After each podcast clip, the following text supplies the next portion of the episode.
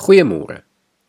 Indien ons nadink oor hoe ons ons geloof prakties kan en behoort uit te leef, is dit ook goed om terug te kyk na dit wat God deur sy wet baie jare gelede vir die Israelitiese volk gegee het. Hy wou hulle leer om reg te leef sodat hulle die res van die wêreld kon beïnvloed. Die wet opgesom in die 10 gebooie help ons dus tot en met vandag om die wil van die Here te ken en te doen. Ek lees dit graag vir ons voor uit Eksodus 20 vanaf vers 1. Toe het God al hierdie gebooie aangekondig. Ek is die Here jou God wat jou uit Egipte uit die plek van slawerny bevry het. Jy mag naas my geen ander gode hê nie. Jy mag nie vir jou 'n beeld of enige afbeelding maak van wat in die hemel daarbo of op die aarde hieronder of in die water onder die aarde is nie. Jy mag hulle nie vereer of dien nie, want ek die Here jou God, eis onverdeelde trou aan my. Ek reken kinders die sondes van hulle vaders toe, selfs tot in die 3de en die 4de geslag van die wat my haat. Maar ek betoon my liefde tot aan die 1000ste geslag van die wat my liefhet en my gebooie gehoorsaam. Jy mag die naam van die Here jou God nie misbruik nie, want die Here sal die een wat sy naam misbruik, nie ongestraf laat bly nie. Sorg dat jy die Sabbatdag heilig hou. 6 dae moet jy werk en alles doen wat jy moet. Maar die 7de dag is die Sabbat van die Here jou God. Dan mag jy geen werk doen nie nie jy of jou seun of jou dogter of die man of vrou wat vir jou werk of enige dier van jou of die vreemdeling by jou nie.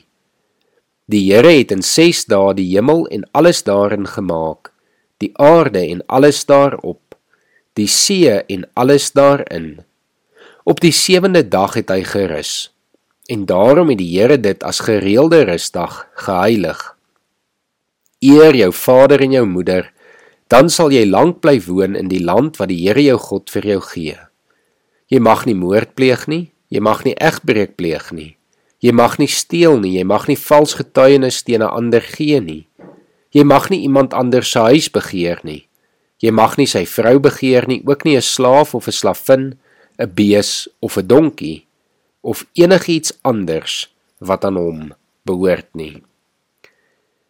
Jesus het die waarde van die 10 gebooie bevestig toe hy die 10 gebooie opgesom het in die twee belangrikste wette van sy koninkryk: liefde vir God en liefde vir ons naaste.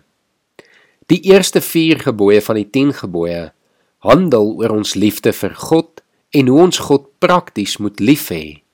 Ons moet hom alleen aanbid en dien, sy naam nie misbruik nie en 'n dag afsonder waar ons tyd met hom kan spandeer. Die ander 6 gebooie handel oor hoe ons ons naaste moet lief hê of wat ons moet vermy sodat ons hulle kan lief hê. Dit is algemene en goeie beginsels wat vandag deur meeste lande se wette aanvaar word.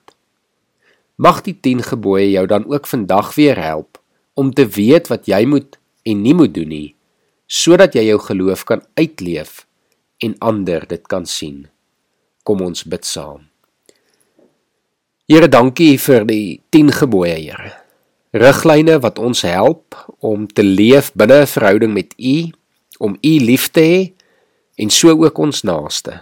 Here, mag U deur die Gees ons lei sodat ons hierdie riglyne, hierdie wette in ons lewens sal toepas elke oomblik van elke dag.